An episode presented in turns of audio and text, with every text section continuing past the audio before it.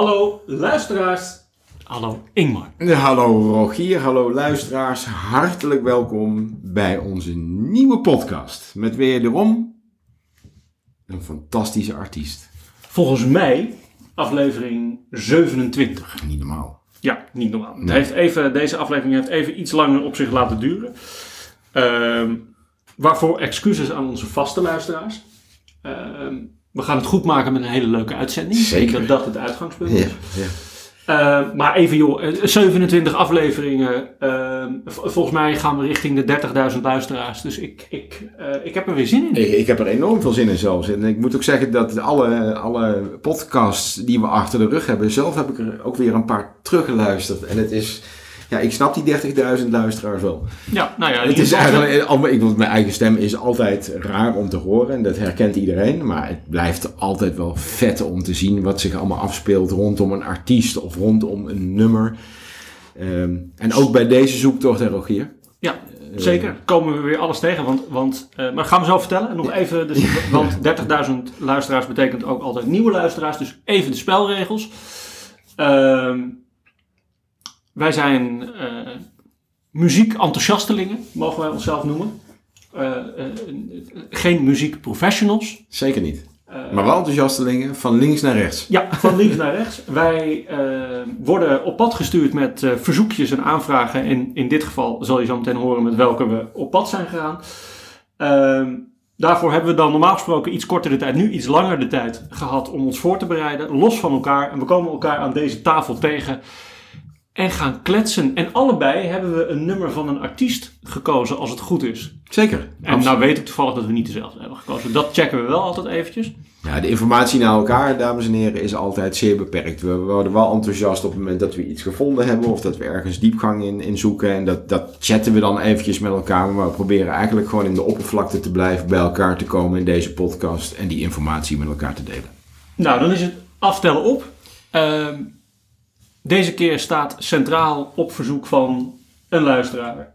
Eric Clapton. Ja, de, de, de, de- bij elke artiest sta je verbaasd wat iemand meegemaakt heeft en hoe die tot zijn grote succes is gekomen. En bij deze meneer is het wederom niet anders.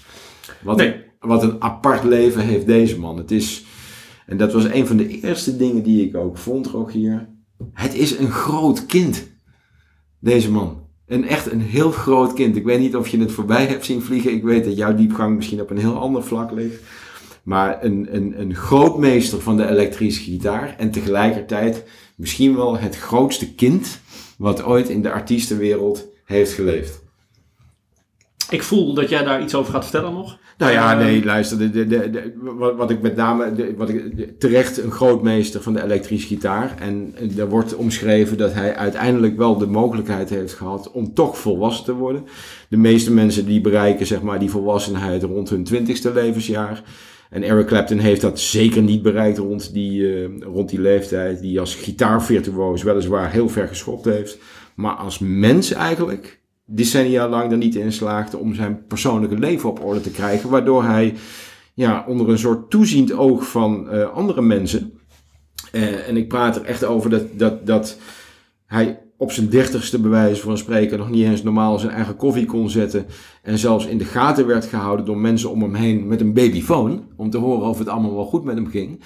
Ja, toch zo'n grote jongen is geworden. En dat vond ik wel een hele mooie intro van, van de grootmeester Eric Clapton. Nou, dat, dat vind ik een prachtige intro. Want ik, ik moet zeggen dat ik dat, en ik ben natuurlijk een andere kant op gegaan blijkbaar. Dat eigenlijk niet, eh, niet eh, in die zin heb meegekregen. Wel over zijn eh, levensstijl. Ja, Eh, en ook de aanleiding daarvoor en de aanleiding daartoe. Daar kom ik wel langs. nee, hij is, hij is eigenlijk vanaf het moment dat hij, dat hij eh, als, je, als je dat terugvoert in zijn leven, de strubbelingen die Clapton eigenlijk in zijn hele leven had, zijn eh, heel plat terug te voeren naar tweejarige leeftijd. Ehm, eh, eh, zijn moeder die verlaat hem namelijk heel vroeg al, op tweejarige leeftijd, en wordt uiteindelijk, ze verlaat hem voor een Canadese militair, eh, misschien wat minder interessant, maar wordt daarna opgevoed door zijn opa en oma. En komt er wat later achter dat dat zijn opa en oma zijn en niet zijn echte ouders. Nou, Ja, dat is, dat, dat is een dingetje waar hij, ehm, ja, noem het maar, en ik kan me dat helemaal voorstellen, of nee, dat kan ik niet, maar ik kan me er wel iets bij indenken. Dat dat een hele grote schok is. Maar die schok die hij op dat moment ervaart, bepaalt eigenlijk voor een groot deel zijn eerste zone, de eerste decennia's van zijn leven. Tot zijn dertigste misschien wel.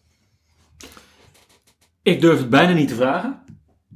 Maar welk nummer? Ja, ehm, ik heb heel wat nummers geluisterd van Clapton. En eh, nou ja, als ik Leila noem, dat, dat wat hem niet is overigens, dan is dat natuurlijk, dan zegt iedereen ja, Leila. Uiteindelijk heeft hij dat niet alleen, maar met een band. Daar kom ik wat later op terug. ehm, eh, gezongen. Maar hij heeft een, eh, een nummer gecoverd, wat op dat moment helemaal geen bekend nummer was. Maar in die periode heeft hij hem wel vastgepakt. Ik ga daar straks wel een stukje over vertellen. Dat is I Got The Sheriff. En misschien is het leuk om eventjes het origineel daarvan eerst te laten horen. Is eh, het origineel I Shot the Sheriff, hè?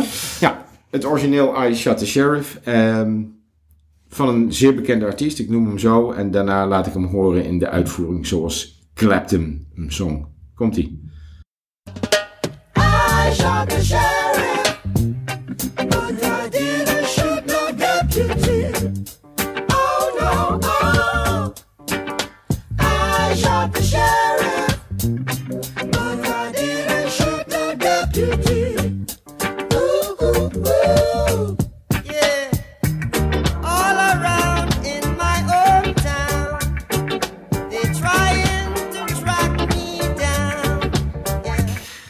en heren, we horen hier de stem van Bob Marley. En de Wailers. En de Wailers. Ja. En, en, en, en je herkent ook misschien wel een beetje de sound. ehm, in de film vind ik altijd leuk I Am Legend. Ja, Met eh, Will Smith. Ja. Ehm, zie je dat Will Smith, en dat kan hij ook als geen ander, eh, in dit geval Bob Marley imiteert met dit nummer en dat ook zo als zodanig zingt. Uiteindelijk is Clapton daarmee, ehm, ja, die is er eigenlijk mee vandoor gegaan. Die heeft dit nummer groot gemaakt en dat was ook zijn enige nummer 1 hit in Amerika uiteindelijk. En dat klinkt als volgt. I shot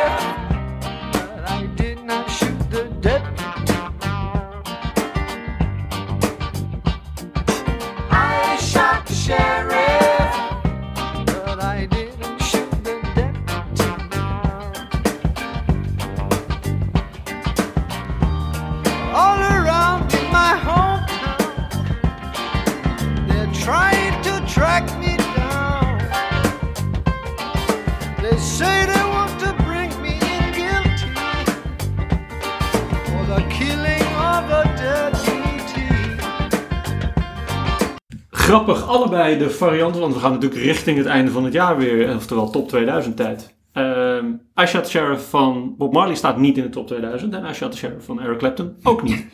Nee, dat is eigenlijk wel heel bijzonder, want eh, het is ooit, wat ik net al aangaf, een nummer 1 hit geweest in, in de States. Zijn enige nummer 1 hit in de States, van, in dit geval eh, van Eric Clapton. Ja, en hij heeft het nummer eigenlijk een soort van gejat.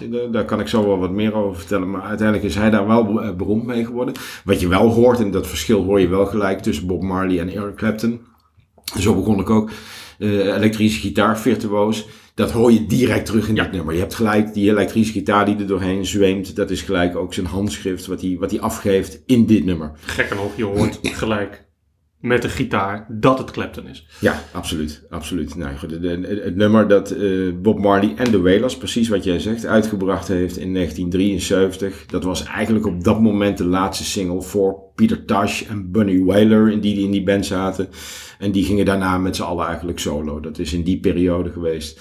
Het was reggae. Dat was eigenlijk op dat moment helemaal geen doorgebroken muziekstijl in die periode. En dat kwam uiteindelijk qua stijl ook helemaal niet verder dan ja, een beetje Miami en een klein beetje in Engeland. En daar stopte dat verhaal wel in begin jaren 70. En dan is het natuurlijk boeiend om eventjes te kijken van wat, wat houdt dat nou eigenlijk in, hè, dat nummer? Wat, waar, waar gaat dat nou eigenlijk over? En net als bij alle andere podcasts, als we gaan uitleggen wat een nummer daadwerkelijk betekent, zijn er uiteindelijk meerdere eh, verhalen. Stop. Zie. Want jij noemde mijn song al. Nee, Ja, in het begin. ja, Leila. Lela. Ah. Ja, Ja, die, die... Ja, Lela is leuk. ja Leila is Lela leuk, gaat ja. niet over Lela. Dus Nee, Lela is erg leuk. Lela, ja, nee, Lela gaat niet over Lela. En uiteindelijk, maar dan misschien dat ik het gras voor je voeten wegmaai, is het niet alleen een nummer van Eric Clapton. Nee, zeker niet. En gekker nog, eh, ik, ik, ik ga daar heel veel over vertellen nog. Eh, hele verhalen achter.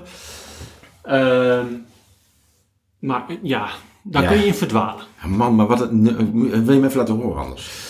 Ik ga beginnen met Lela te laten horen. Ja. En dan, dan- ja, dan moet je me even vragen, dat is een tegenvraag. Welke versie wil je horen? Wil je een stukje van het origineel horen? Eh, En dan ga ik verklappen het origineel deel 1 van de song, of het origineel deel 2 van de song, of de akoestische versie die iedereen kent. Ehm, als je hem hebt, maar misschien, eh, dit, dit is dus niet op die manier voorbereid, maar ik zou het leuk vinden als je de, de, de, de uitvoering kan laten horen waar hij met zijn band Derek and the Dominoes Dat is origineel. Ja, Ja. Dat, dat, die, dat vind ik echt een... Nou, die lijkt eigenlijk niet heel erg op de Lela versie. Nee, eh is wel gelijk grappig, ik zei net top 2000. Lela komt twee keer voor in de top 2000. Ehm, de grap is dat de versie akoestisch, de Acoustic Sessions, die natuurlijk het meest bekend is, een korte versie van het Ja, nummer eigenlijk, ja, is unplugged. ja. Eh, die staat op eh, positie 461 en Derek and the Dominoes, de ori- original version, ehm, die veel ingewikkelder is qua muziekstuk, eh, op 778. Dus hij komt wel twee keer voor. Laten we met het origineel beginnen. Het origineel is opgebouwd uit twee stukken. Ja. Een gitaardeel en een pianodeel. Voorkeur? Eh, Staan allebei de- toevallig de- klaar. de- de- laat, laat de virtuoos zijn werk doen, gitaar. Dan beginnen we gewoon aan het begin. Ja, dat is het eerste deel van het nummer. Leuk.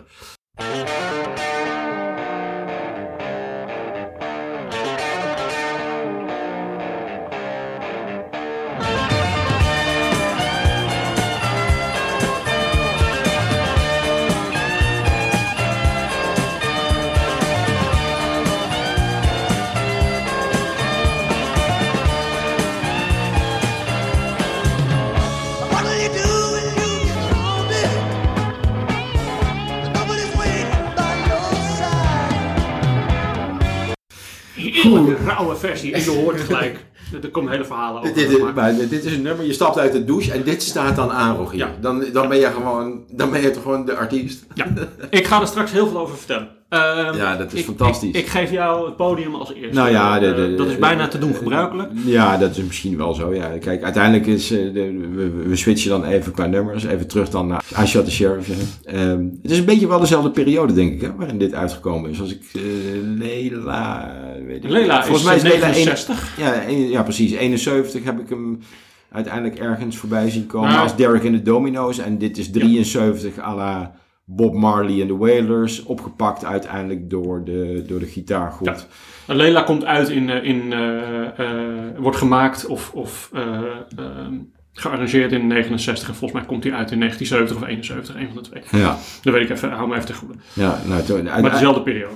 Dezelfde periode, uiteindelijk wat ik al aangaf, eh, reggae nog niet zo heel erg bekend. Eh, ja, de, uit, de uitleg en eerste aanleg van de tekst die lijkt eigenlijk best wel simpel. Hè. Dat gaat dan over een man, verdedigt zich tegen een sheriff en komt om. En zijn assistent die wordt uiteindelijk niet door hem gedood. En zo is eh, vaker en andere verklaringen, dat zijn de meest controversiële vaak ook even, geeft Pieter Tosh aan dat het daar helemaal niet over gaat. Ehm, er is ook een uitleg die gaat over, en daar kom ik zo nog even wat dieper op in. Dat gaat over een geboortebeperking. Dat uiteindelijk zeg maar, het is als een soort metafoor gebracht wordt als een geboortebeperking. Dat is uiteindelijk waar ehm, Bob Marley weer niks te maken mee wil hebben als hij hoort dat dat uiteindelijk misschien wel zo geïnterpreteerd kan worden. Ehm, ja, ik gaf Lela aan, 71. Na die hit eh, de, van Lela in dit geval verviel Erik eh, Clapton met name heel erg in overmatig drugsgebruik. Dat was kort daarna. Ehm, maar met de hit I Shot the Sheriff heeft hij uiteindelijk, eh, kwam hij eigenlijk een beetje terug. Ehm, Bob Marley kon in eerste aanleg niet zo heel erg lachen om Claptons versie. Tot de royalty checks die in de bus vielen, toen was hij uiteindelijk wel blij. Weten we waarom Bob Marley het niet Nou, hij had eigenlijk het nummer gewoon aan zelf willen houden. Het was natuurlijk een van de laatste nummers die hij schreef, ook met Tosh erbij. En hij wilde daar zelf iets van maken. En uiteindelijk heeft ehm, eh, eh, Eric Clapton uiteindelijk dat nummer opgepakt. En daar kom ik zo nog wel even op. Heeft hij het uiteindelijk met een, samen met zijn producer, heeft hij het uiteindelijk met een gitaar als begeleiding, eigenlijk ook een beetje weg van de daadwerkelijke reggae, heeft hij het uitgebracht. En paste het niet meer in het plaatje zoals Bob Marley het het liefste zag. Maar wat ik zeg, Totdat uiteindelijk die royalties, want die kwamen hem natuurlijk wel toe. Uiteindelijk kwamen die royalty checks in de bus. Eh, Bob Marley heeft altijd gezegd: ik heb, deze, ik heb dit nummer als reggae koning geschreven in een voor mij turbulente periode. Dus eigenlijk komt alles aan mij toe. Dat is uiteindelijk niet gebeurd. Ehm, maar Marley genoot aan het begin van de jaren 70 veel succes in Jamaica. Slaagde er volgens nog niet in om de rest van de wereld door te breken. En pas toen eh, de Britse platenbaas, misschien dat jij die ook ergens verwerkt hebt, eh, Chris Blackwell, heb je die ergens verwerkt? Nee. Ehm, ehm, zich ermee kwam bemoeien en hem optekende. Toen kwam uiteindelijk ook het Amerikaanse en het Europese publiek werd daarop wakker. Op dit liedje van uiteindelijk Eric Clapton. En de achtergrond van het laatste liedje bleef Marley altijd op de vlakte, schrijven ze. Ehm, I Shot the Sheriff, een outlaw, betekent dat Sheriff John Brown, dat is echt het verhaal wat daarachter ligt, te hebben neergeschoten. Dat is een echt gebeurd verhaal. Eh, nadat hij hem zonder, uiteindelijk zonder enige reden daadwerkelijk dood, eh, doodschoot. Ehm, en het liedje gaat simpelweg, zoals Marley dat schreef en uiteindelijk Clapton dat ook overgenomen heeft, simpelweg over rechtvaardigheid. En Marley bevestigde dat nadat Clapton dat verteld heeft. Eigenlijk wilde ik, schrijft hij uiteindelijk, I Shot the Police schrijven. Dat was de originele, die heb ik nergens kunnen vinden. Maar daar zou de Jamaicaanse overheid nooit mee hebben ingestemd en al zeker niet over hebben kunnen lachen, schrijft hij ergens in een, eh, in een stukje. Grappig. Nou ja, de- zoals dat met heel veel ehm, eh, liedjes gaat, zit daar uiteindelijk vaak een hele andere titel achter dan uiteindelijk daadwerkelijk uitgekomen is. En ik kan me dit ook wel voorstellen, want als jij een nummer schrijft over I Shot the Police, dan denk ik niet dat je heel erg... eh, Nee, ik, ik weet niet wat Clapton daar eh, verder bij dacht waarom het nummer hem zo aansprak. Ik weet niet of, dat, of daar iets over te vinden is waarom hij juist dat nummer van Bob Marley zo intrigerend vond. Nou, uiteindelijk gaat het. eh, de- uiteindelijk zegt een. eh, en ik scroll nu zelf even door om dat stukje wat jij nu aanhaalt pakken. In de, de- de- Bob Marley heeft ooit een documentaire gemaakt. En in die eh, documentaire Making of a Legend. beweert de vriendin van Bob Marley dat I Shot the Sheriff. in samenspraak met Marley gaat over, zoals ik het net aangaf. over anticonceptie. En tijdens hun relatie nam. eh, zij heette Anderson die nam toen al de pil tot ergernis van, het spirit, van de spiritueel ingestelde Bob Marley. Want die vond uiteindelijk dat dat een soort moord was. Dus, maar zij heeft heel duidelijk aangegeven in die documentaire dat het wel degelijk zo is dat het helemaal niet gaat over een sheriff. Of Maar over, over maar daadwerkelijk over, Anticonceptie. over anticonceptie en uiteindelijk dus wel over het doden. De sheriff zou in dit geval symbool staan voor de dokter die Anderson de pillen voorschreef. Every time I plant a seed. Nou, en zo heeft hij een hele, dat is een groot, te grote epistel. Ik denk dat we dat op de website moeten zetten. Ehm, eh, en hoorden ze Marley steeds zingen over het doodmaken van dat kindje. Wat op zich best een zwaarwegend thema dan is uiteindelijk. Ja, En, veel, en, en veel, wij, en wij het horen als I shot the sheriff. veel heftiger dan I Shot the Sheriff. Ja. Ik denk, gevoelsmatig ligt het daar, wat jij nu net vertelt. Dat denk ik ook Ja. inderdaad. Maar goed, uiteindelijk zie je dat, dat dit zijn eigenlijk de twee, eh, de, de, de echte sheriff met, met, met alles wat daaromheen zit. En iemand die dan niet doodgeschoten was, wordt, maar uiteindelijk dat de sheriff dood is. En de anticonceptie en het anticonceptieverhaal daarachter. Dat zijn eigenlijk de twee, de, de twee platte stories die achter dit verhaal liggen. Wat ik altijd heel erg mooi vind aan dit soort nummers is dat het... ehm, en dat zal jij ook hebben. Ik interpreteer zo'n nummer volledig anders dan dat het daadwerkelijk bedoeld is. Alleen Daar- vind ik het wel mooi om te horen wat er daadwerkelijk achter zou kunnen liggen. Daar komen we ook elke keer achter. Dat, Mhm. is, dat is natuurlijk. eh, eh, bij het nummer wat ik gekozen heb zit een, zit een totaal ander verhaal achter dan je in eerste instantie zou denken. Ja. En dan moet je je ook nog voorstellen dat toen uiteindelijk eh, Eric Clapton het nummer overnam en met zijn gitaar daar overheen ging en een klein beetje de reggae wegpoetste, dat het, eh, dat het door Clapton niet eens goedgekeurd werd om uit te brengen, maar dat zijn producer dat zo fantastisch vond dat hij het wel uitgebracht heeft en daar uiteindelijk mee de enige nummer 1 hit in Amerika scoorde. Nou, dat is wel grappig, want daar heeft, hij, eh, daar heeft Clapton eerder een, eh, een, eh, een handje mee gehad met het nummer Tell the Truth. Ehm, daar heb ik een heel stukje over, maar die wordt in twee versies opgenomen. Ehm, en Tell the Truth wordt in eerste instantie, komen we weer terug bij Trident Studios, Ja, oh, daar hebben we. Ja. eh, door Phil Spector opgenomen, Let It Be. ja. Wat helemaal geen goed nummer uiteindelijk wordt. Een heel warrig nummer. En, en eh, eigenlijk helemaal niet goed, eh, goed is. Maar de platenmaatschappij in Amerika heeft hem al in bezit. Ja. En er wordt later een versie overheen genomen, nog een keer. Eh, van hetzelfde nummer, maar dan eh, sluit, dan moet ik heel eventjes, anders zeg ik het verkeerd. Eh, dan sluit aan Dwayne Elman Ja. Ehm, en doen ze het eigenlijk opnieuw. Dus maken ze hem helemaal opnieuw. En eh eh, arrangeert hem eigenlijk net even zoveel beter dat, het, ja, dat hij veel en veel beter gaat klinken. En veel rustiger wordt, want het is een soort schreeuwend nummer door, door Phil Spector gemaakt. Maar hij ligt al bij de platenstudio. Ehm, en die wordt uitgebracht op 14 september 1970. eh, en wordt daarna teruggetrokken door de platenmaatschappij, omdat het eigenlijk de verkeerde versie was. Oh, wow. Ja, dus dit lijkt een beetje op het verhaal waar, die, waar Clapton hem ook niet goed genoeg vond. Nee, en, maar, en Clapton is daarin ook wel uniek. En dat, ik bedoel, eventjes los van, van de titel van I Shot the Sheriff. eh, de- de- het feit dat hij het uiteindelijk gepakt heeft van, ehm, eh, zeg maar, uit de reggae scene getrokken heeft. Heeft hij gedaan op basis van het luisteren naar nummers. En dat deed hij vroeger al. Vroeger besteedde hij talloze uren aan alleen maar het luisteren naar de klanken op vinyl, logischerwijs. Net zo lang totdat hij het uiteindelijk kon spelen. Alleen kreeg hij dit aan de reggae-kant niet helemaal voor elkaar. Heeft dat uiteindelijk toch uitgebracht als Shot the Sheriff, waarbij hij een beetje reggae afpoetste. En de platenmaatschappij uiteindelijk dat goedgekeurd heeft, waardoor het nummer 1 hit werd. Maar het blijkt dus dat, dat Clapton een soort, nou, een soort absoluut gehoor heeft gehad. En daardoor zo'n nummer op een hele andere manier kon brengen dan dat het daadwerkelijk bedoeld was. Echt een fluiditeit. En die werd ook opgemerkt, al heel vroeg, vroeger, in zijn periode Yardbirds en Cream. eh, in, in die periode. Ehm, en dat heeft uiteindelijk, eventjes een, een kleine rewind, toen al geleid tot zijn eerste successen met Yardbirds en met Green. Eh, waarmee hij uiteindelijk Britse en Amerikaanse hitlijsten langzaam kon beklimmen. Ik heb trouwens, nou, ik weet niet of jij dat zelf ook hebt. Anders dan maak ik daar ook het gras Nee, voor je voeten weg. Ik heb Eric Clapton, zowel uit de Yardbirds als in Cream, nog heel eventjes hoe hij toen klonk. En dit is uiteindelijk gespeeld op basis van de uren die hij besteed heeft aan alleen maar het luisteren naar vinyl om die klank uiteindelijk naar boven te Moet je halen. eigenlijk wel beginnen bij de Yardbirds, want dat is de eerste periode. Komt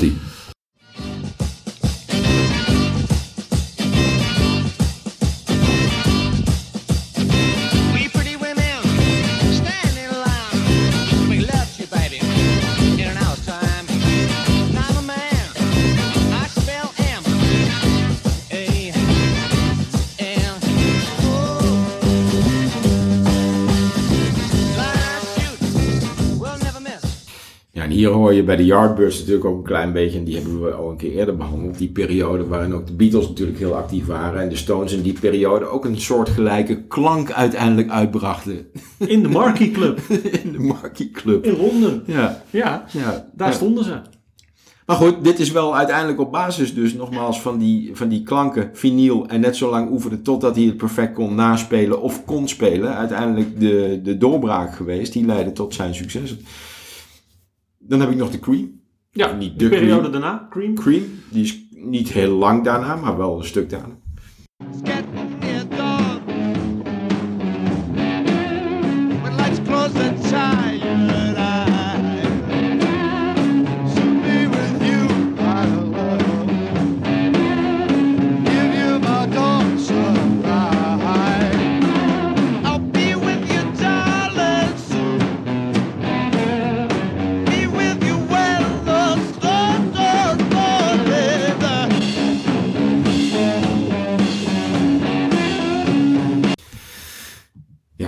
Je, je hoort de tijdsgeest die voortschrijdt.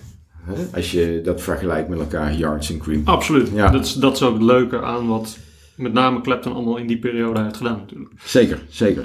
Dus die... ehm, dus even qua I Shot the Sheriff en eventjes daarvoor en hoe hij dat uitgebracht heeft op basis van dat absolute gehoor en het naspelen van de, eh, het, en het succes in Amerika. Met daarbij de twee verhalen die door elkaar heen lopen waarvan men nu nog niet eens weet wat daadwerkelijk de broncode is. Ehm, heeft het, het, het, de gitaarvirtuoos en het kind een, eh, in mijn ogen fantastisch nummer uitgebracht. Ja, ik, ik vind dit een van de, al moet ik zeggen dat ik Lela ook heel mooi vind, maar ik vind dit een van de meest fantastische nummers. Nou, dit is toch weer een lijstduwer, dames en heren, voor de top 2000. Nou ja, Aankomende ze- top la- 2000. laat het zo zijn. Ik, eh, We hebben uit 27 afleveringen een lijstje met lijstduwers. Ja, en precies. deze mag er ook Het zou toch wat zijn, want het gaat weer binnenkort komen. hè? Ja, ja, ja, vorig jaar heb ik, eh, heb ik in een van de blogs heb ik, bekeken hoeveel onze platen voortkwamen en, en gestegen of gedaald waren. En we stonden op een minnetje van 10 volgens mij. Dus dit jaar willen we een plusje zien. Dus Ja. we moeten lijst duwen, Ingmar. Ja, ja, dat- Nou, Lela staat al hoog. ja Lela staat al hoog en ik moet zeggen dat Lela ook gelijk zeg maar, binnenkomt in je emotie. Ik vind het een, een, een, fantastisch nummer. Echt een fantastisch nummer. Nou, Lela ehm, is geschreven door ehm Eric Clapton, uiteraard. Ja. Jim Gordon en volgens zeggen Rita Coolidge. Rita Coolidge, ja. Rita Coolidge en eh, Jim waren een stel. Ehm, het verhaal gaat dat het in een, eh, in een eh, gastenverblijf eh, geschreven is waar eh, eh, Bobby Whitlock van de Derek and the Domino's hun had uitgenodigd. Ehm, maar de inspiratie komt, en dat, dat is waar het verhaal met name over gaat, is ehm, over een sprookje. Eh, uiteraard eh, eh, gekoppeld aan de naam Lela. Ehm, een Persisch sprookje. En dat is een verhaal wat in een boek aan Eric Clapton is gegeven. En dat vond hij zo'n ontzettend mooi verhaal. Dat hij bedacht heeft dat daar een liedje voor geschreven zou moeten worden. Mhm. Maar. Ja, dat gaat niet over Lela. Nee. Ehm, Eric Clapton was toen de tijd eh, eh, behoorlijk verliefd op iemand. Ja. Ehm, en jij noemde al de Beatles. Ik noemde inderdaad de Beatles. Ik, ik- ja, inderdaad. Ik, En- ik heb George Harrison niet specifiek genoemd. Maar... Nee, nee maar het is, het is gekoppeld aan George Harrison. George Ja. Harrison en, eh, en eh, eh, Eric Clapton waren goede vrienden. Hele goede vrienden zelfs. Ehm, gingen veel met elkaar om. Er is een periode geweest, dat is wel grappig, is dat eh, George Harrison klaar was even met de Beatles. En eigenlijk tegen de rest van de Beatles heeft gezegd, ik stop ermee. En de andere drie Beatles eigenlijk als de brandweer één oplossing hadden, namelijk Eric Clapton bellen. Dus het was bijna een Beatle geweest. Mhm, mhm. Totdat George Harrison dit hoorde en als de brandweer terugkeerde naar het, eh, naar het drietal om Ja. er weer een, eh, een, Om de een Beatles te viertal van te maken. maken. Ja. Eh, maar ze hadden nog een gemene deler, eh, behalve de gitaar, is een dame ehm, eh, die Patty Boyd heet. ja. Dat is de vrouw van George Harrison. Dat was de vrouw Was van de- George was Harrison de vrouw van toen de tijd. Ja. Waar Eric Clapton smoor en smoor verliefd op was. Ja.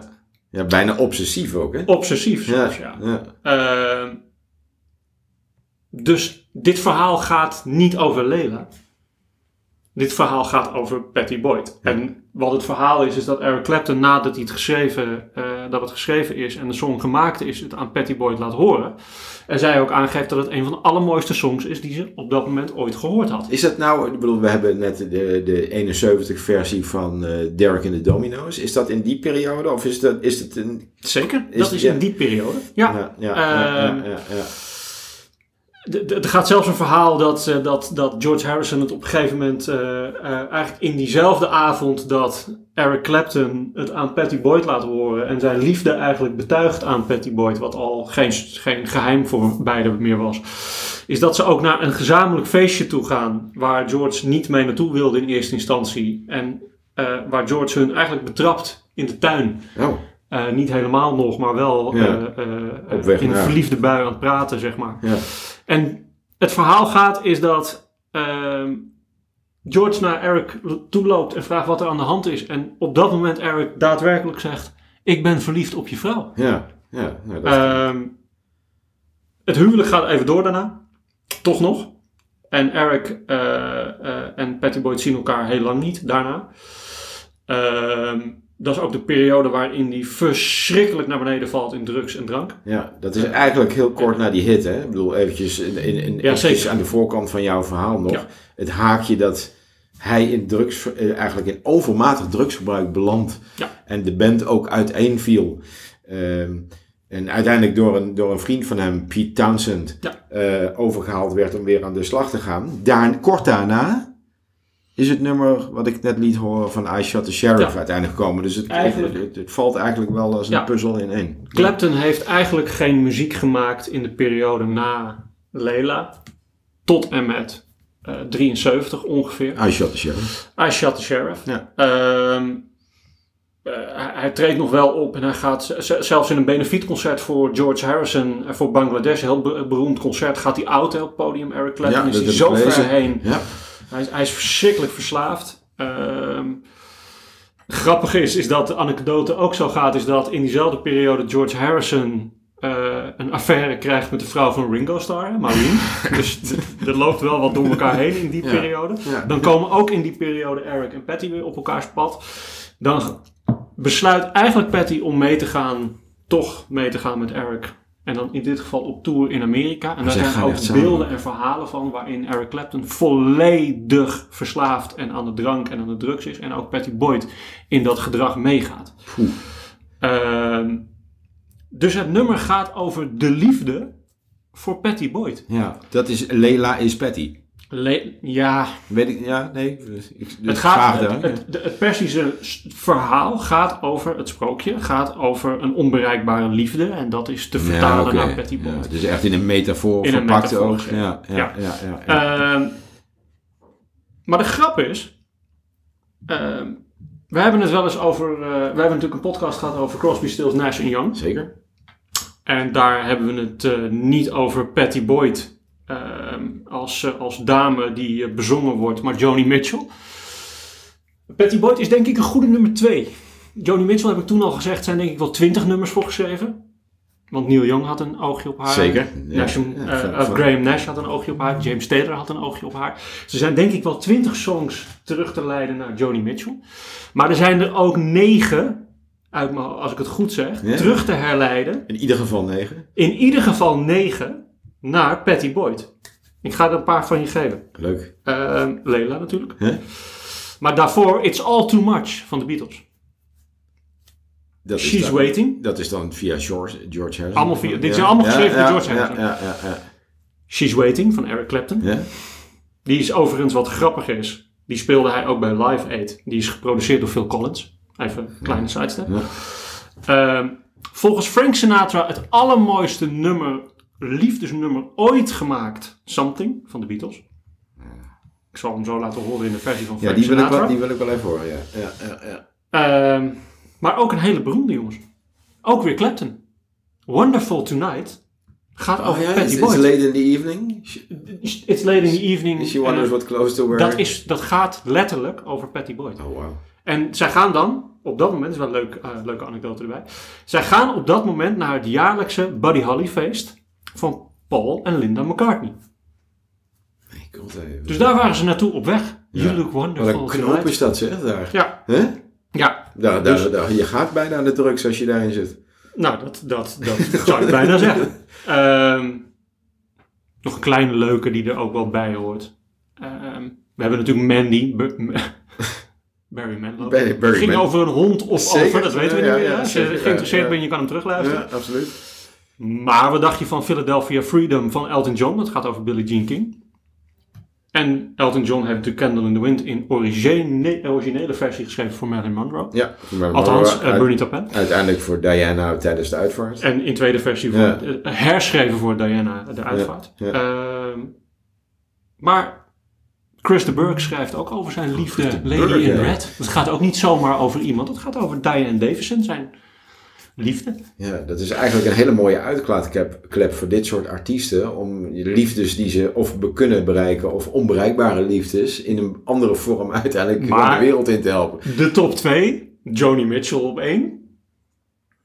En Patty Boyd dus op nummer 2. Die is veel bezongen. Je Ik ziet- ga je Frank Sinatra Ja, toch. Doe dat maar. Ja, ik wou iets zeggen. Ja, ja.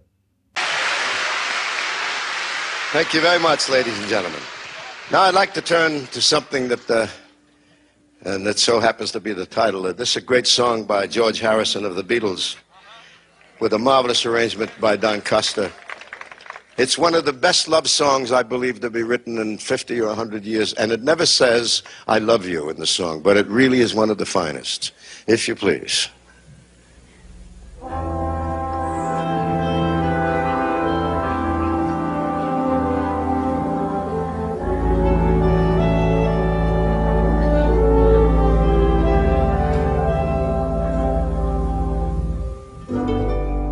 Something in the way she moved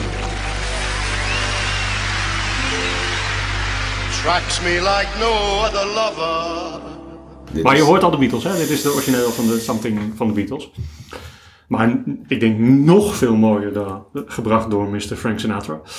Eh, maar dat is smaak, dames en heren. Eh, daar kan over gedebatteerd worden. Zeker. Eh, maar niet van gewonnen worden. Ehm, ja, het is, het is, ehm, het is een prachtnummer. Lela, even terug naar Lela. Ja. Ik, ik, eh, ehm, het is een, in de originele, mensen kennen hem natuurlijk van de, van de andere versie. Ja, laat ik die ook vooral even horen. Ja, Eh, nou, dat wilde de, ik net de bekende vragen, versie, ja. de hoogste notering in de top 2000 toont aan dat de meeste mensen deze versie alleen maar kennen. Ik laat hem nu even horen. See if you can spot this one.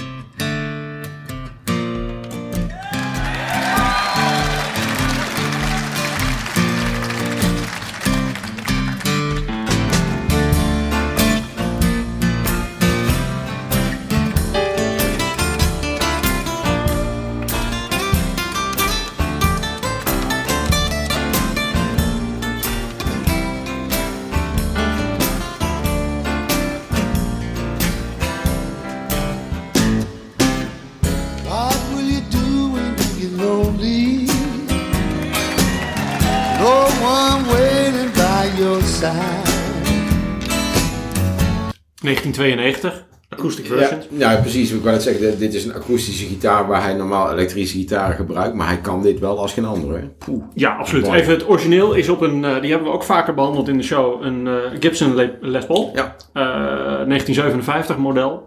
Ehm, en dat is niet de, uiteraard de, de, de akoestische versie. Heeft hij ook een hele bijzondere gitaar voor die Ja. ooit geveild is volgens mij uit mijn hoofd. Dat weet ik niet helemaal zeker, maar volgens mij is die geveild. Ehm, ja, heel ander nummer. Maar wat bijzonder is aan de originele Leila, is dat het in, het wordt, en, en- we gaan, ik kan er niet te lang over, ik Nee, ga het op de ik website wel zetten, maar er zijn twee delen van het nummer. Er is een gitaar eh, deel, tot en met drie minuten en een beetje. En er is een piano part of. Ja, dus- en het eerste wat ik jou liet horen toen jij vroeg wil je het laten horen, ja was dat is de gitaarversie. gitaarpart. Ja. Dan zal ik je nu de, de switch laten horen, want het is best heel bijzonder wat, zij, wat zij daar als muzikanten doen. Het nummer gaat van na drie minuten eigenlijk over, duurt nog vier minuten dan, naar een piano gedreven versie. ja, dus eigenlijk wel in de snaren instrument blijven zitten, maar dan in de piano. Maar de piano neemt Ja. het over. Ja. Luister. Ja.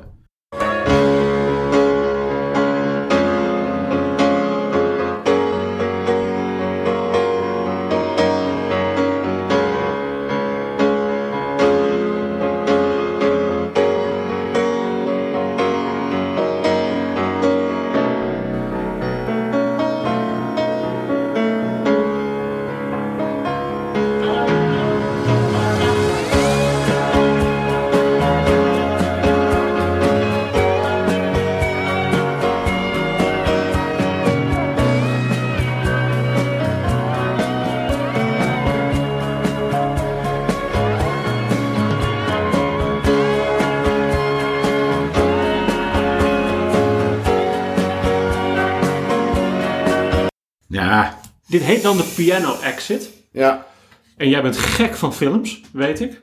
En de muziek in films. Dit deel van het nummer, het originele Lela-nummer van Derek and Domino's, komt voor in Goodfellas. Ah, tuurlijk. Waar die roze Cadillac, Tuurlijk, ik weet, ja, nee, maar... daar hoor je dit deel van het nummer. Maar je herkent eigenlijk, ik moest ook drie keer luisteren omdat ik het origineel niet goed genoeg kende.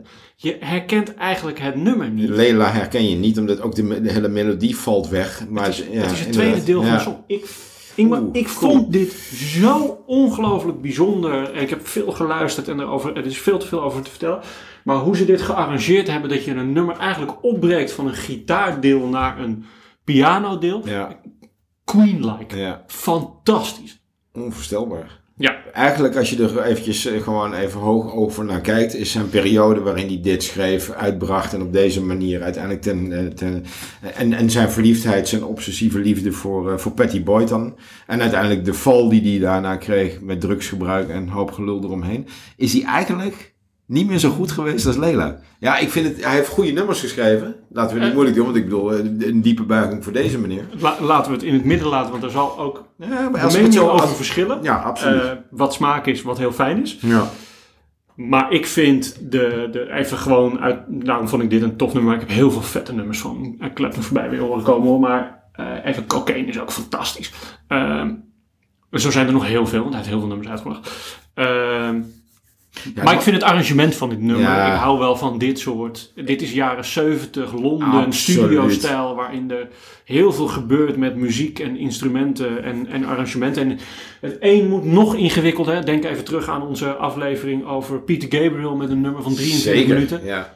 Zelfde tijd. Ja, ja, Het moest allemaal Ja. Wat, wat, het mocht allemaal wat moeilijker qua arrangement. En dat vind ik in die tijd, merk ik, dat ik dat wel heel tof vind. Ja, maar dat, dat bedoel ik eigenlijk. Op het moment dat je dit kan spelen en dat je er dan even uitvalt en terugkomt op een hele andere manier. Ik ben overigens wel, ik vind het heel leuk dat het exact op elkaar volgt, onze nummers. Want jij bent dan even aan de voorkant en uiteindelijk door Lela en de obsessieve liefde en uiteindelijk de terugval is hij ehm, pas weer de muziek ingegaan nadat hij, eh, let op, het gitaarspel was eigenlijk, en, en, toevallig heb ik dat stukje exact na Lela hier eh, voor mij, is hij, heeft hij die terugval gehad. Hij speelde eigenlijk geen gitaar meer. Wat ik al aangaf, die Pete Townsend haalde hem over om weer aan de slag te gaan.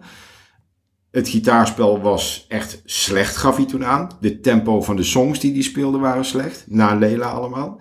En uiteindelijk heeft hij George dus een kopie gegeven van het album Burnin Ja. van Bob Marley.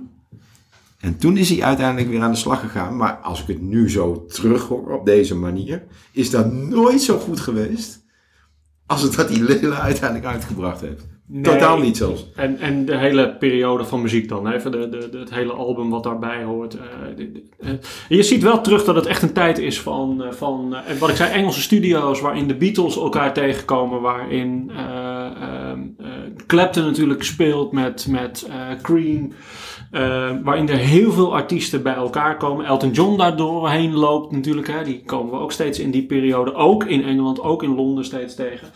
Ehm, de, de Stones niet te vergeten. Dus er gebeurt extreem veel ehm, in die periode. Alleen wat bijzonder is aan, aan ehm, Clapton zijn deel, is dat hij inderdaad gewoon een paar jaar eruit gaat. Hij, gaat er echt- isoleert zichzelf. Ja, hij ging absoluut. zo diep blijkbaar ja. Ehm, en heeft uiteindelijk dus ook gewoon Patty Boyd wel meegetrokken in dat, eh, in dat eh, verhaal. En ze zijn uiteindelijk getrouwd, hè? Eh, in, in, eh, het ging helemaal niet goed tussen hun en de relatie. Het was al, George Harrison was al uit out of the picture. Die was verder gegaan met Maureen, denk ik. Ehm, en hij vraagt haar ineens, volgens mij, aan de telefoon om te trouwen. En een week later trouwen ze. Ehm, maar dat was rock bottom, want het ging zo slecht met alle twee toen. Ehm, Nou ja, en, da- en, en daarna wordt hij verliefd op een andere vrouw, krijgt hij dus het kind mee, waar uiteindelijk ook een nummer natuurlijk Nou ja, dat is precies inderdaad. Uite- Uiteindelijk is het een. een de, de- sterker nog, hij, heeft, hij is zo rock bottom gegaan dat hij, hij heeft twee zelfmoordpogingen gedaan. Met ziekenhuisopnames erbij die daarna volgden. eh, waarbij zijn leven echt aan een zijde draadje heeft gehangen. Hij, was echt, hij zat echt op het randje daarin.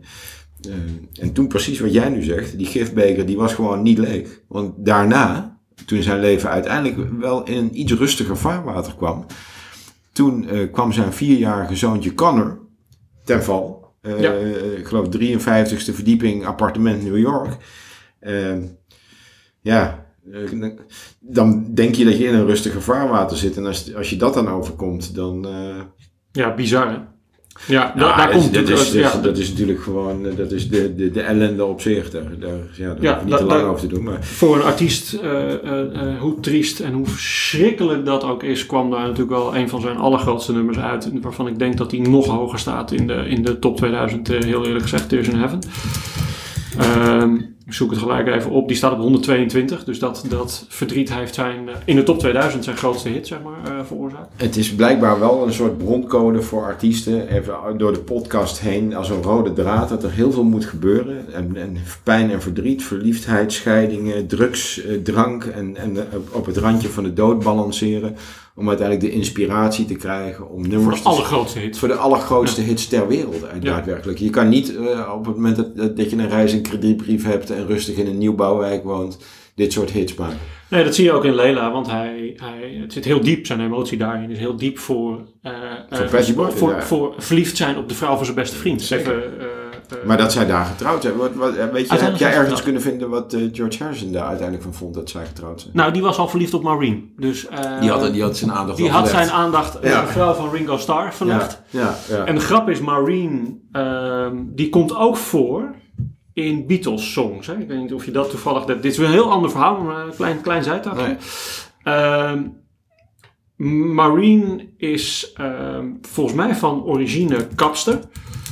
Ehm Maureen Starkey Tigret. Ja. Ehm, ook bekend als Mo Starkey. Dat was haar bijnaam. Als een kapster uit Liverpool.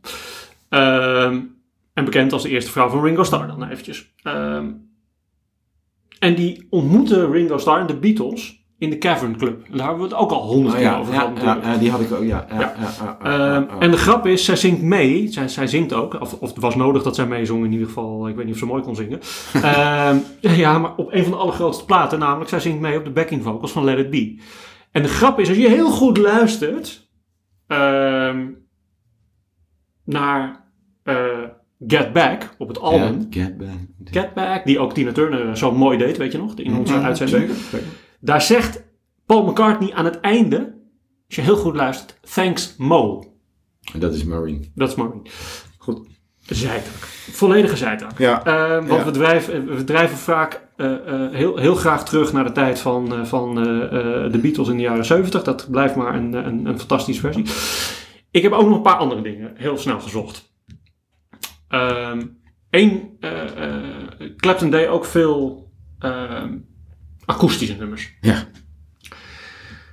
En ik kwam, dat was een beetje toeval, in de beste zangers zat ik te kijken en daar deed Douwe Bob, die daar meedeed, deed Danny Boy. En Danny Boy ken je, denk ik, van Elvis. Ja, zeker. En nu van Douwe Bob. Ja. Eric Clapton Wat ik een goede zanger vind trouwens. die stem is fantastisch Ja. als je dit nummer zeker bij hem Ja, dat hem is absoluut. Echt absoluut. Die, die, die- ja.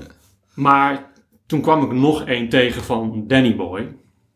En die vond ik toch ook wel tof om eventjes te laten horen ehm, ehm, van een totaal andere artiest ehm, die wij in onze podcast hebben gehad, in onze vorige podcast. Ja. Eh, namelijk uh, Sinead O'Connor.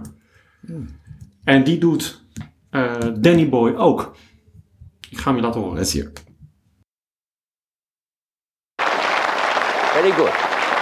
And we hope you're enjoying it too. We hope you're enjoying it. Now, when our next guest, uh, she was on the show with us last week, and she gave a stunning performance. If you saw her right at the end of the show, she sang one of the theme songs from the new film, In the Name of the Father, which is due for release next week. And we were talking to her afterwards, and we told her what we were going to do here for Christmas Eve. And she said, Oh, I'd love to be part of that. So we said, Well, if you play your cards right, and if you behave yourself, and if you ask nicely, we may be able to squeeze you in. So we did, and here she is Sinead O'Connor.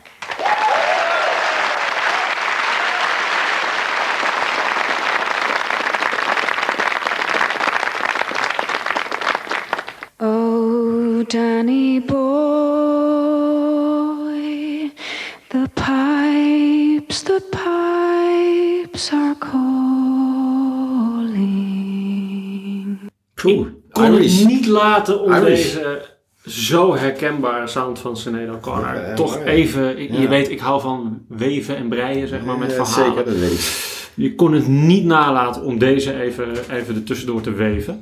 Eh, Mooi. Ja, even voor de rest... Mooi dat ik- Irish ook. Dat, dat, dat- ja, en mooi, mooi die intro, hè. Van, je was hier vorige week en als je je gedraagt. Wat een beetje uit onze podcast van Sinead O'Connor hoort, hè. Nou ja, dat is precies hoe wij het omschreven hebben. Ook dat zijn natuurlijk ontzettend rebels, zoals kan ik me herinneren Ja. uit die podcast. En ja, dan is Dat werd ook- door deze presentator manier eh, eh, eh, goed, goed, goed gedaan. Even wat andere leuke, leuke linkjes nog. Dan, dan, die zet ik op de site, die zal ik even, even erbij doen. Ehm, Eric Clapton coverde ook nog wel eens iets. Ehm Border Song van Elton John, om even te weven en te breien. Ja, Die ga ik op de site zetten, is heel tof. leuk. En een fantastische versie. ehm, die Eric Clapton doet van Losing Hand. En Losing Hand is van Ray Charles. Oh, die hebben we ook gehad. Ja, even, ik moest even de links maken. En Het gaat nu wat makkelijker, hè, die linkjes maken, omdat we zoveel artiesten ja, hebben ja, gedaan. ja. Eh, maar die vond ik ook, eh, ook waanzinnig tof. Eh, eh, die zal ik op de site zetten om te luisteren ook. Ehm, en voor de rest, wat ik grappig vond aan Eric Clapton is dat hij zo ongelooflijk veel meegespeeld heeft met andere artiesten. Ja. We vergeten een ontzettend groot stuk als voorbeeld en we kunnen niet alles doen. Hij was helemaal wild van J.J. Cale. Ehm, dat is een inspiratie geweest en daar heeft hij ook een tribute album voor gemaakt. Nou, die is echt, dat is, die zal ik op de site wederom zetten. Het is echt een aanrader om naar, om naar te luisteren. Hij speelt ook samen met J.J. Cale, dat zal ik ook daarop zetten. Ehm, maar hij heeft zo ongelooflijk veel meegespeeld met andere artiesten op live versies. Ehm, en daar zie je wel hoe ongelooflijk goed hij is. Dat moet ik heel eerlijk bekennen. Ja, vet. Ehm, ja, alle linkjes die we hebben, die gaan we op de site zetten. Maar het is, het is een beetje... ehm, dit, dit is zo'n artiest dat past nooit in een podcast. Ja, nee, helemaal van, niet zelfs. We hebben, we hebben het ook helemaal niet gehad. En die, eh, die heb ik uiteindelijk nog wel een beetje opgezocht. Dat hij... ehm, ehm, hij heeft daarna natuurlijk ook in de jaren negentig heeft hij nog een hoop gedaan. Hij heeft nog...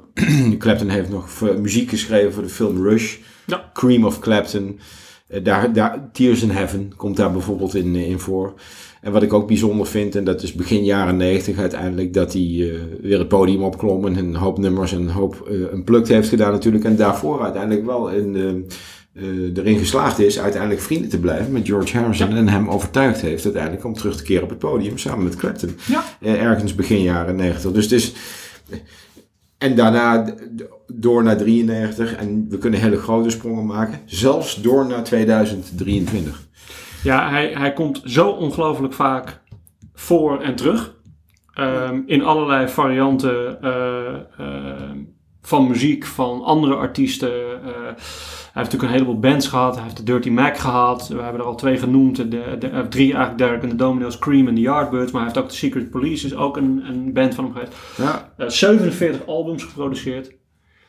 Eh, ja, eh, En zijn inspiratie, eh, we hadden het net eventjes, niet om het heel lang uitgebreid daarover te hebben, maar zijn zoontje die komt te overlijden. Kort daarna overlijdt een van zijn allerbeste vrienden tijdens een helikopterongeluk, Steve Rivel. Ja. Wat ook een fantastisch grote artiest is, Ja. maar uiteindelijk de, de manier waarop Clapton dan blijkbaar door de ervaringen die hij heeft, uiteindelijk op zoek gaat naar een nieuw project om uiteindelijk dat weer te vergeten. Zowel dat deel van zijn zoontje en met de muziek die daarbij hoort, maar Ja. ook van zijn beste vriend. Ja, daar heeft hij uiteindelijk toch wel een hoop van geleerd. Eh, als je kijkt naar 20 jaar terug dan weer, eh deze jaren 70. Ehm, en daar heeft hij zich redelijk in opgekrabbeld, moet ik zeggen. Ja, bijzondere man. Ik, eh, zoals, zoals eh, we vaker hebben genoemd, we zijn eh, druk bezig ook ondertussen om het boek van het plaat en het verhaal te schrijven. En dan moeten we kiezen uit misschien wel 30 of 40 afleveringen straks. Maar Ja. ik verwacht dat Clapton met alle verhalen die we hier hebben staan, dat die wel eh, een, een, een chapter zal zijn. Nou ja, uite- uiteindelijk, Rogier, denk ik dat die chapter zeker moet gaan komen. Want deze man die heeft uiteindelijk eh, pak een beet, eh, eh, nou pak een beet, eh, kleine 25 jaar na Lela. En, en ook eventjes eh als Shot the Sheriff. eh, Krijgt hij zes Grammy eh, Awards als hoogste onderscheiding in die volledige muziekindustrie. Waaronder Tears in Heaven en ook Unplugged en nog wat Ja. andere. Ja, in de Royal Hall of Fame. In de Rock and Roll Hall of Fame moet ik zeggen, voor de volledigheid. Ja, Nou, we, ook, ook respect voor het terugkomen. we sluiten af met we lijstduwen I Shot the Sheriff. Ja, ik ben Eh, benieuwd. we gaan zien waar eh, de twee versies van, eh, van Lela dit jaar eindigen in de top 2000. Wij hebben een leuke primeur voor, de volgende aflevering. Die gaat iets minder lang op zich laten wachten dan deze. Ehm, wij hebben een speciaal verzoek gekregen. Eigenlijk een dubbel verzoek. Het eerste verzoek was... Rogier en Ingmar, mag ik een keer meedoen met jullie podcast? Nou, dat antwoord is volmondig ja. Mark, deze derde podcaster die volgende keer aansluit. Ehm, Mark, dank daarvoor. En twee, de vraag was natuurlijk aan hem... Nou, roep dan maar, want dan ben je aan de beurt. En het is geworden Al Green. Nou, ik, eh, Dus ga ik, ik zou met smart gaan wachten, dames en heren, op Al Green. Want het- dan komen we in een genre terecht, jongens. Fantastisch. Ik geef nu al aan, ik weet een beetje, maar uitzonderlijk weinig. Ehm, ik weet ook heel weinig. Dus ik heb nu al zin in mijn zoektocht naar Al Green. Ja. Ehm, dus ik verwacht dat Mark ook een klein beetje voorsprong heeft. Ja, we hebben natuurlijk al een beetje gospel en soul gehad in het verleden. Dus we gaan denk ik daar toch wel, wel eh, daar, daar valt hij waarschijnlijk gewoon voor in. ja, Eh, we gaan het meemaken. Ja, Ingmar, ontzettend dank voor I Shot the Sheriff, Eric Clapton en alle bijdragers. ja en, en die van jou vanzelfsprekend met Lela daaraan toegevoegd. En laten we hopen dat eh, de luisteraars genoten hebben. En wij hebben ook weer zin in de volgende. En ik hoop jullie weer terug te horen zien. Op weg naar El Green. Tot, snel. ziens.